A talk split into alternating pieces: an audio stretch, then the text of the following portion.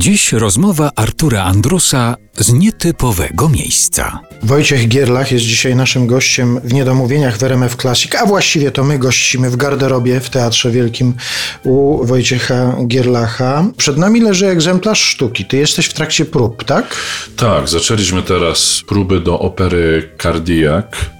Hindemifa, nowej produkcji Mariusza Trelińskiego i premiera jest dopiero przewidziana na kwiecień, ale wysłano do nas zapytanie, czy jesteśmy dyspozycyjni, czy jesteśmy w Warszawie i Mariusz tryska pomysłami, tryska wspaniałymi ideami na ten spektakl i, w sumie cieszymy się, że, że uczestniczymy już w tych próbach. To też jest dla nas takie światło w tunelu, że coś się zaczyna dziać, że jakaś produkcja pojawia się na horyzoncie. Tam masz w tym egzemplarzu włożony długopis, to znaczy do tego miejsca, gdzie jest włożony długopis umiesz już, czy... Nie.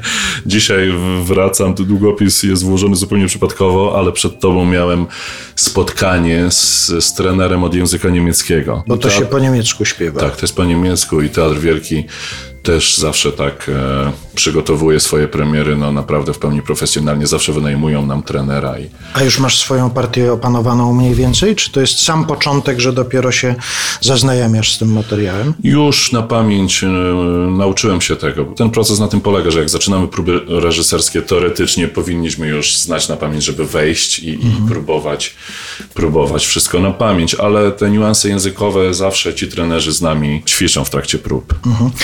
Wracając do takich opowieści o tych zawodach, o zawodach artystycznych, zawodzie śpiewaka operowego, czasami się pojawia w tych opowieściach, to chyba nie jest wymyślona rzecz, kwestia rywalizacji pomiędzy artystami. No bo przecież staje się do konkursu, walczy się o rolę. Czy tobie się kiedyś zdarzyło walczyć o rolę z bratem? Z Robertem Tak. O, nie, my sobie życzymy jak najlepiej. To jest tak, że Robert e, troszeczkę śpiewa wyższym głosem. Jest basbarytonem, natomiast mój głos poszedł e, bardziej w dół. Śpiewam niższe role. I teraz e, mamy to szczęście, że możemy na przykład śpiewać w jednej produkcji. Na przykład zapraszam serdecznie Państwa do wejścia na kanał YouTube Polskiej Opery Królewskiej. Zaśpiewamy tam właśnie z bratem fragmenty Don Giovanniego i brat będzie śpiewał partię Don Giovanniego, która jest na bas baryton, na baryton, natomiast ja będę śpiewał partię Komandora, który jest na stricte na głos basowy. Tak więc y, możemy z bratem występować na szczęście jednocześnie w różnych dziełach operowych. Wcześniej śpiewaliśmy też na przykład Wesele Figara, gdzie ja śpiewałem Figara, a brat śpiewał hrabiego.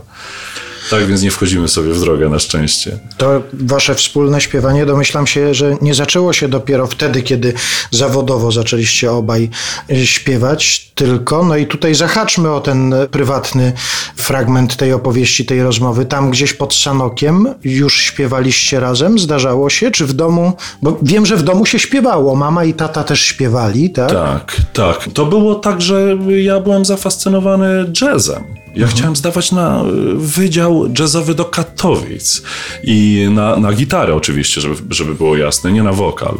Byłem zafascynowany Patem Metheny, Johnem Schofieldem, ale Robert, który już y, jest 7 lat starszy i miał już swoje sukcesy jako śpiewak y, operowy, Nagle właśnie któregoś dnia, to był chyba przełom trzeciej czy czwartej klasy e, liceum, ja coś do niego odezwałem się takim grubszym głosem. Robert chyba sobie zdał sprawę, że ja już mutację przeszedłem do końca i mówił, słuchaj, może spróbuj to zaśpiewać w taki sposób bardziej operowy. Ja spróbowałem.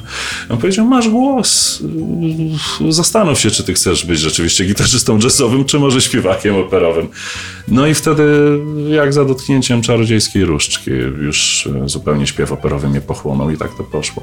I to on ci zasugerował, gdzie powinieneś, do kogo się z tym udać, jak e, się powinny potoczyć losy twojej edukacji? Tak, tak, bo o tutaj jeszcze po drugiej stronie ulicy Moliera mieszka nasz wspólny profesor, y, profesor Kazimierz Pustelak, no, żyjąca legenda właśnie Teatru Wielkiego, Opery Narodowej i w ogóle polskiej y, wokalistyki.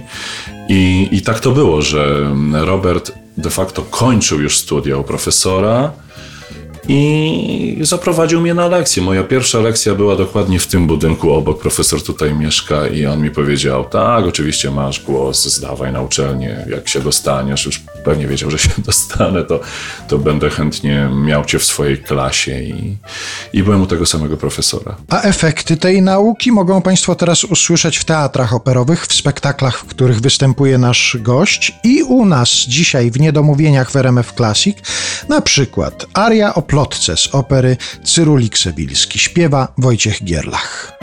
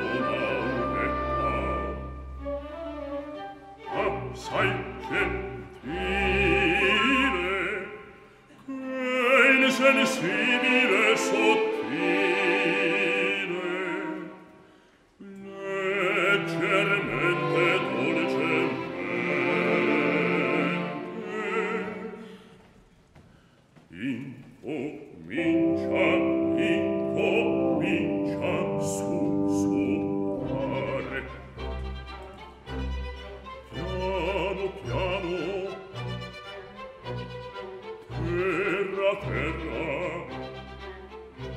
Sottovoce sibilando va scorrendo va scorrendo va ronzando va ronzando nell'orecchie della gente s'introduce, s'introduce destramente e le teste di cervelli, e le teste di cervelli. Fa stordire, fa stordire, fa stordire, fa gonfiare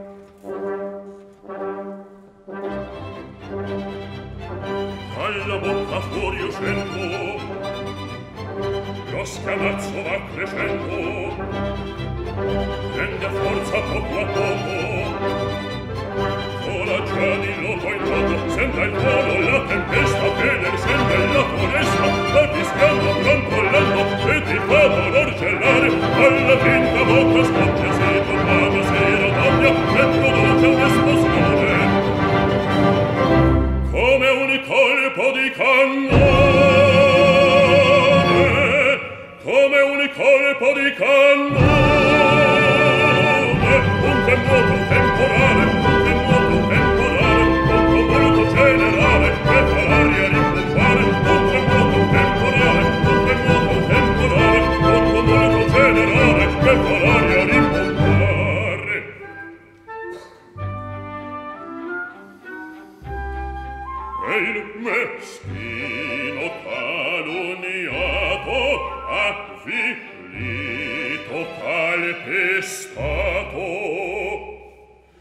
sotto il pubblico